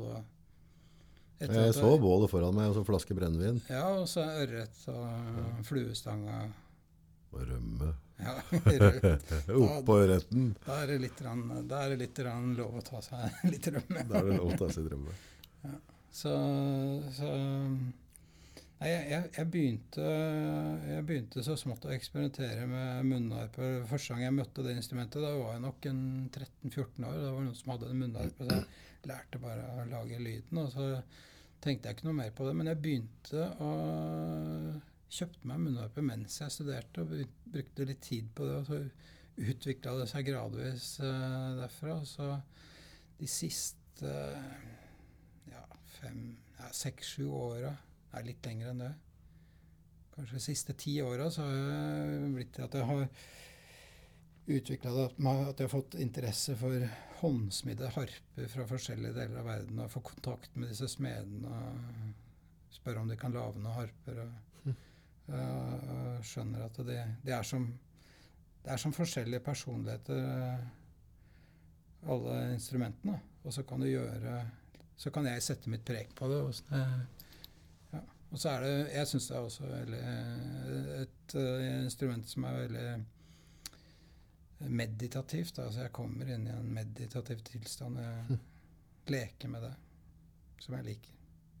Jeg spiller didgeridoo. Okay. Det er også eh, grunnen til at jeg begynte med didgeridoo, var for at jeg kjente igjen det er en del likhetstrekk med i lyden i instrumentet som i munnharpe. Så tenkte jeg at dette må jeg teste ut. Og, og det er også veldig eh, gøy. Og, og et veldig morsomt instrument som er utrolig enkelt. Det er bare et rør, ikke sant? og så er det helt ubegrensa muligheter innenfor, innenfor det røret, hva du kan få til. Stilig. Mhm. Tusen takk for at du eh, tok deg tid til å dele en liten beta av livet ditt. Ja, takk for at jeg fikk komme. Hyggelig prat. Artig, artig reise, syns jeg. Du Har lært masse. Takk, takk. Takk.